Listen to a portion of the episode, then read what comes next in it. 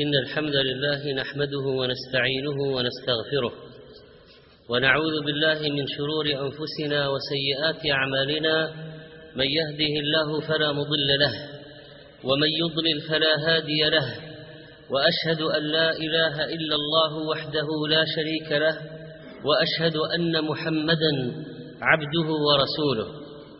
أما بعد فإن الناظر في حال العالم اليوم عباد الله يرى أن مما يسيطر عليه القلق والفزع والهلع والذعر وذلك بسبب ما حصل فيه من اضطراب أوضاع العالم المالية. وقد ذكر ربنا سبحانه وتعالى في كتابه أوصافا للإنسان أنه خلق هلوعا إذا مسه الخير منوعا وإذا مسه الشر جزوعا. الجزع والهلع. الهلع والذعر لما يصيبه. ومقاومة هذا عباد الله بأن يعلم العبد أن الله سبحانه وتعالى هو خالق الخلق ومدبر الأكوان. أن يوقن بأنه عز وجل كما قال في كتابه وعنده مفاتح الغيب لا يعلمها إلا هو ويعلم ما في البر والبحر وما تسقط من ورقة إلا يعلمها ولا حبة في ظلمات الأرض ولا رطب ولا يابس إلا في كتاب مبين. أن يوقن بأن الله سبحانه وتعالى بيده خزائن السماوات والأرض. أن يوقن بأن ما عندكم ينفد وما عند الله لا ينفد. أن يوقن بأن الذي يتوكل على ربه فإنما يأوي إلى ركن شديد. وأن يوقن بأن الله سبحانه وتعالى هو الذي ينجي من الكربات من كربات البحر ومن الكربات المالية ومن جميع أنواع الكرب. كما قال سبحانه وتعالى في كتابه قل من ينجيكم من ظلمات البر والبحر تدعونه تضرعا وخفية لئن أنجانا من هذه لنكونن من الشاكرين. قل الله ينجيكم منها ومن كل كرب ثم أنتم تشركون وهكذا يؤمن العبد أيضا بأن المستقبل بيد الله وأنه لا يمكن لأحد أن يؤمن مستقبله ومن قال أنا أمنت مستقبلي أو أمنت مستقبل أولادي فهو واهم لأن هنالك مفاجآت وأحداث عظام لا يعلمها إلا الله. وكم من الناس قد اعتمدوا على أرصدة فتبخرت وكم من الناس قد اعتمدوا على أشياء فتلفت واحترقت. ولذلك فإن علم الغيب عند الله وتأمين المستقبل بيد الله. فهو الذي يعلم الأمور والحقائق والبواطن والمآلات والعباد مهما حاولوا استشراف المستقبل فإنهم يضلون ويخطئون ويزلون لكل نبأ مستقر وسوف تعلمون فمن الذي يعلم مستقر الأنباء؟ من الذي يعلم مستقر الأحوال؟ إنه الله الواحد العزيز القهار سبحانه وتعالى. ولذلك أخبرنا أنه لا يعلم الغيب إلا هو. قهر عباده بأمور ومنها هذا أنهم مهما حاولوا استكشاف المستقبل لا يستطيعون أن يعلموا ماذا سيحدث غدا. وهكذا ترى اليوم في التذبذبات المالية واضطرابات الأسواق. يوم تصعد ويوم تهبط ولا يدرون ماذا يفعلون. ولذلك كبار الخبراء يقولون المستقبل المالي غامض والأمور ضبابية فمن الذي يعلم المستقبل؟ ويعلم ما فيه سبحانه وتعالى لا إله غيره ولا رب سواه ولا يعلم الغيب إلا هو عز وجل. ومن الأمور التي تهدئ النفوس أن يعلم العبد أن الله هو الرزاق. إن الله فالق الحب والنوى يخرج الحي من الميت ومخرج الميت من الحي. ذلكم الله فأنا تؤفكون. فالق الإصباح. وجعل الليل سكنا. والشمس والقمر حسبانا. ذلك تقدير العزيز العليم. وهو الذي جعل لكم النجوم لتهتدوا بها في ظلمات البر والبحر. قد فصلنا الآيات لقوم يعلمون. وهو الذي أنشأكم من نفس واحدة. فمستقر ومستودع. وهكذا الدواب يعلم الله رزقها ومستقرها ومستودعها. تفكر يا عبد الله في قضية المستقر والمستودع. وهو الذي أنشأكم من نفس واحدة. فمستقر ومستودع. قد فصلنا الآيات لقوم يفقهون. وهو الذي أنزل من السماء ماء فأخرجنا به نبات كل شيء. جعل الرزق في نباتات هذا رزقه. والناس يتوكلون على أرصدة وهمية وأرصدة تتبخر. وهو الذي أنزل من السماء ماء فأخرجنا به نبات كل شيء. فأخرجنا منه خضرا. نخرج منه حبا متراكبا. ومن النخل من طلعها قنوان دانية وجنات من أعناب والزيتون والرمان مشتبها وغير متشابه انظروا إلى ثمره لماذا؟ رزقا للعباد أنزل من السماء ماء فأحيا به الأرض وأخرج من الثمرات لماذا؟ رزقا للعباد فهو الذي يرزقهم ويجعلون له شركاء ويكفرون به ويتوكلون على غيره وهو سبحانه وتعالى الواحد القهار المستغني عن خلقه يحتاجونه ولا يحتاج إليهم. سبحانه يا أيها الناس هذه من الآيات التي تقرأ في الأزمات ويدرك بها العباد معاني عظيمة قد لا يحسون بها في غيرها في غير أحوال الاضطراب يا أيها الناس أنتم الفقراء إلى الله أنتم الفقراء أنتم الفقراء. يا أيها الناس أنتم الفقراء إلى الله والله هو الغني الحميد. فالفقير يحتاج إليه كي يغنيه. والمريض يحتاج إليه كي يشفيه. وهذا المضطر وصاحب الكربة يحتاج إليه كي ينجيه. وإذا شح المطر عجوا إليه بالاستسقاء. وإذا قل الرزق ألحوا عليه بالدعاء فهو الذي يرزق وهو الذي يفقر وهو الذي يغني وهو الذي يحيي وهو الذي يميت. قل اللهم مالك الملك تؤتي الملك من تشاء وتنزع الملك ممن تشاء وتعز من تشاء وتذل من تشاء بيدك الخير. فإذا أردت أن تعتمد على أحد اليوم فاعتمد على الله. وإذا أردت أن تسأل فاسأل الله.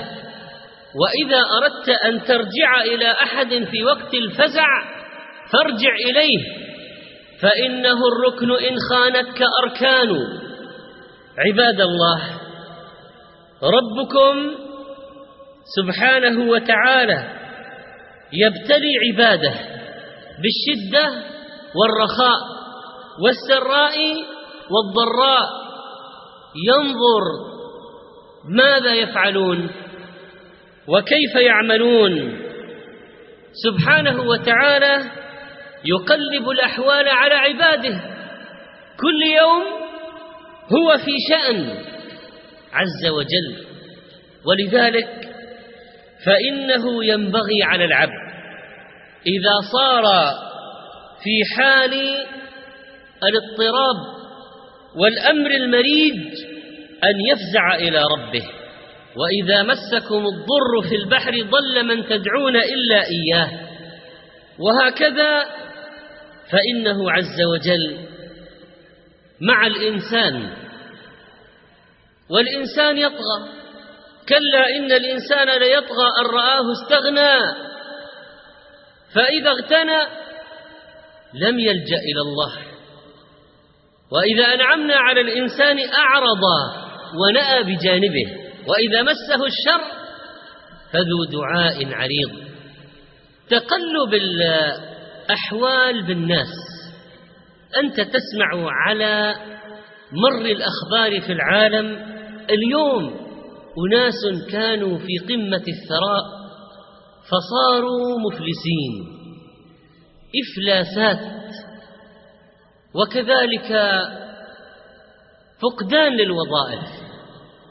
يسمع الواحد ويضطرب فمن الذي يفزع إليه؟ عيادات نفسية إلى المحللين إلى الخبراء إلى الشاشات إلى من؟ إلى الله سبحانه وتعالى. وإن من العجب العجاب ما يحدث لبعض الناس إذا أصابتهم مصائب. وسنرى فعل هؤلاء وكيف يكون موقف المؤمن وهو يقارن أفعالهم راجعا إلى الكتاب والسنة. عباد الله ماذا يقع في نفس المسلم وهو يقرأ أخبار الناس. تبخرت مدخرات مستثمرين تأثرا بالأزمة الاقتصادية العالمية وسط حالات من الهلع والذهول والاكتئاب. هذه القضية هلع ذهول اكتئاب. ويقضي المستثمرون نهارهم أمام الشاشات وليلهم في متابعة الفضائيات لا حديث سوى التحسر على أموالهم التي تبخرت. مفردة التحسر من المفردات الأخرى. التحسر لماذا؟ لما صارت الأموال في نفوسنا لها وزن كبير والتعلق بها في النفوس عظيم والأمر كما قال الله سبحانه وتعالى وإنه لحب الخير لشديد يعني المال. وقال وتحبون المال حبا جما. جما تعلقت النفوس بالأموال في بعض الأحيان أكثر من التعلق بالله الواحد المتعال. لما تتعلق النفوس بالأموال أكثر من الواحد المتعال معناها أنه يوجد خلل. ولذلك إذا حدث مثل هذا الحدث فإن الهلع والاكتئاب والتحسر هذا شيء متوقع جدا. لماذا؟ لأن المال عندهم هو كل شيء فمستعد الواحد منهم إذا خسر ماله أن ينتحر. لأنه عند نفسه ماذا بقي له من الدنيا؟ المؤمن بقي له إيمانه بقيت له صلته بالله. بقي له رفع اليدين بالدعاء لربه. بقيت له صلاته. بقي له صيامه. بقي له ذكره وتلاوته لكتاب الله. بقيت له الأخوة في الله. بقيت له الدعوة إلى الله. بقي له بر الوالدين. بقي له صلة الرحم. بقي له حسن الخلق والمعاملة بالحسنى. بقيت للمؤمن أشياء كثيرة ولو خسر ماله لكن أهل الهلع والذين تعلقت نفوسهم بالمال إلى الحد الأقصى إذا خسر ماله ماذا بقي له؟ لا شيء. ولذلك يقدم على الانتحار. فهم طبيعة الدنيا ولماذا نحن نعيش فيها في ظل الأزمة في غاية الأهمية. وما خلقت الجن والإنس إلا ليعبدون. يعني الناس قبل الدجال عندهم ثلاث سنين. يأمر الله السماء في السنة الأولى فتمسك ثلث المطر ويأمر الأرض فتمسك ثلث النبات. ويأمر الله السماء في السنة الثانية فتمسك ثلث المطر الآخر ويأمر الأرض فتمسك ثلث النبات الآخر. ويأمر الله السماء في السنة الثالثة فتمسك الثلث النهائي الأخير من المطر. ويأمر الأرض فتمسك الثلث الباقي من النبات. فلا يبقى ذات ظلف يعني من هذه الدواب إلا هلكت إلا ما شاء الله. قالوا فما يعيش الناس؟ هذا السؤال. فما يعيش الناس في ذلك الوقت؟ الصحابة سألوا فما يعيش الناس؟ لا مطر ولا نبات. والدواب أكثرها نفقت ماتت هزلت ضاعت. أخبرهم. سبحان الله والحمد لله ولا إله إلا الله الأذكار تجزي عنهم مجزأة الطعام والشراب. في عجائب ستحدث في العالم. هنالك أمور كثيرة. ونحن لا ندري ماذا بعد هذه التحولات. ولذلك لا حل إلا باللجوء إلى الله. سلم أمرك لربك وفوض إليه سبحانه. التوكل تفويض. والإنسان إذا حوصر وإذا أصابه الكرب وإذا أصابته الشدة وأفوض أمري إلى الله هذا شعار المسلم توكلت عليه. ربي لا إله إلا هو عليه توكلت وإليه أنيب. وإن اجتمعوا لا حديث سوى التحسر على أموالهم التي تبخرت بعد أن فقدوا أكثر من ستين بالمئة من مدخراتهم. في بعض البلدان ولاحظ أحد أطباء مستشفى كذا أن حالات أمراض الضغط والسكر ارتفعت بمعدل ثلاثين في المئة منذ بدء الانهيار. ثلاثين الثلث والثلث كثير. لماذا لا نتحمل الصدمات؟ ضعف الإيمان بالله ضعف الإيمان بالقضاء والقدر ضعف الإيمان بقوله ما أصابك لم يكن ليخطئك وما أخطأك لم يكن ليصيبك. ضعف الإيمان بقوله لو اجتمعوا على أن ينفعوك بشيء ما ما فعل إلا بشيء كتبه الله لك. ولو اجتمعوا على أن يضروك بشيء لم يضروك إلا بشيء قد كتبه الله عليك. ضعف الإيمان بقوله رفعت الأقلام وجفت الصحف. ضعف الإيمان بقوله سبحانه وتعالى في كتابه ما أصاب من مصيبة في الأرض ولا في أنفسكم إلا في كتاب من قبل أن نبرأها. سبحان الله. إلا في كتاب يعني مكتوبة عنده عز وجل. من قبل أن نبرأها ونخلقها ونوجدها في الواقع. ضعف الإيمان بقوله ما أصابك من سيئة فمن نفسك. لأن الإنسان يتلفت ويقول من أين أتينا ما الذي حدث؟ من أين هذا؟ قلتم أن هذا قل هو من عند أنفسكم. أيها الإخوة المصيبة التي حصلت في العالم المالية لم تكن بآفة سماوية ولا بزلزال ولا بتسونامي ولا بحدث يعني أجراه الله من جنس الفيضانات والبراكين. لا كان شيئا من ما عملته أيدي البشر. هم عملوه وهم جنوه هم زرعوه وهم حصدوه هم السبب فيه. وهذه آية كبيرة وعظيمة. ويتداول المستثمرون حكاية شخص توفي بسكتة قلبية أصابته بعد أن فقد خمسين مليون كذا في أسواق الأسهم المحلية والعالمية وآخرين أصيبوا بجلطات دماغية ويتلقون العلاج. آه واضح جدا أن الأزمة كشفت الخلل في الإيمان بالقضاء والقدر. لذلك صار الوارد قوي والجسد ضعيف ما تحمل. الوارد قوي والقلب ضعيف انهار. فالنتيجة صارت جلطة سكتة اكتئاب انهيار نفسي. ونكمل قراء الطالع والمشعوذون زادت شعبيتهم خلال الأسابيع الأخيرة كذلك المواقع الإلكترونية التي تنشر الأبراج والتي بات بعض المستثمرين يزورونها يوميا على أمل أن تدلهم على حظهم في اليوم التالي في أسواق الأسهم.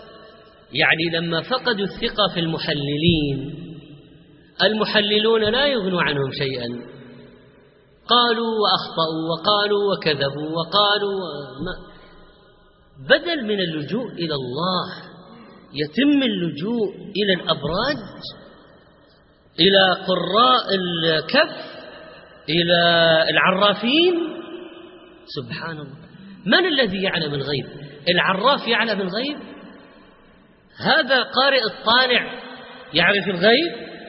هذا الموقع الذي فيه أبراج كلام فارغ هو أصلا القائم على الموقع هذا هو الذي أنشأه وألفه وكتبه من عنده. هو الذي صفه أمامهم. ثم لم يخجل فلان الموظف من الإفصاح بأنه لا يراقب الأسواق العالمية ولا أخبار الشاشات وإنما يعتمد على قراءة برجه في اليوم التالي ليتخذ قراره بالبيع أو الشراء. يعني عدنا إلى الجاهلية الأولى. يعني صارت القضية بالرغم من التقدم التقني هذا كله هي هي هي هي مشكلة البشرية. الشرك والإخلال بالتوحيد. صارت المسألة إذن خبط عشواء وآخرون فيما يتقاذف البشر حول العالم التهم والأسئلة والتحليلات عن الأسباب الحقيقية وراء النكسات والكوارث الأخيرة يقوم أحدهم ليقول إن السبب فيما حصل الهيجان الشمسي. سبحان الله. يعني رجعنا إلى قضية تأثير الكواكب في الأرض واعتقاد أن النجوم والشمس والقمر تؤثر وتفقر وتغني. ما هذا؟ يعني لهذه الدرجة إذا صارت مثل هذه الأزمة يفقد الناس التوحيد والتعلق بالله وعلوم القرآن والسنة والقواعد الأساسية والثوابت الشرعية وهذا لا يستطيع الصمود فينهار ويموت وينتحر ويكتئب. وهذا يفزع إلى العرافين والكهان وال... أين الدين؟ أين الإيمان؟ أين التوحيد؟ بسم الله الذي لا يضر مع اسمه شيء في الأرض ولا في السماء. من الذي يضر وينفع؟ من الذي يقدر الأمر؟ من الذي يجري الأقدار؟ من الذي يكور الليل على النهار؟ إنه الواحد القهار سبحانه وتعالى. فإليه فافزعوا وإليه فالجأوا وإليه آه المآب. فبه تحصنوا وبه تعوذوا وعليه توكلوا وإليه أنيبوا وإليه توبوا وإليه الأكف فارفعوا. المؤمن يلجأ إلى الله. هذه العبر أيها الإخوة من المهم جدا أن نتلمسها ونتعلمها ونعلمها في خضم الأحداث. ولا تدري ماذا يأتي غدا. فإذا لم تكن قد أعددت عدة من العلم بالله وكتابه وسنة نبيه صلى الله عليه وسلم إذا لم يكن معك زاد من التوحيد والعلم بالكتاب والسنة تصرع وتهلك. اللهم إنا نسألك التوحيد والاستمساك بالعروة الوثقى يا رب العالمين. اللهم ارزقنا التقوى والفقه في الدين.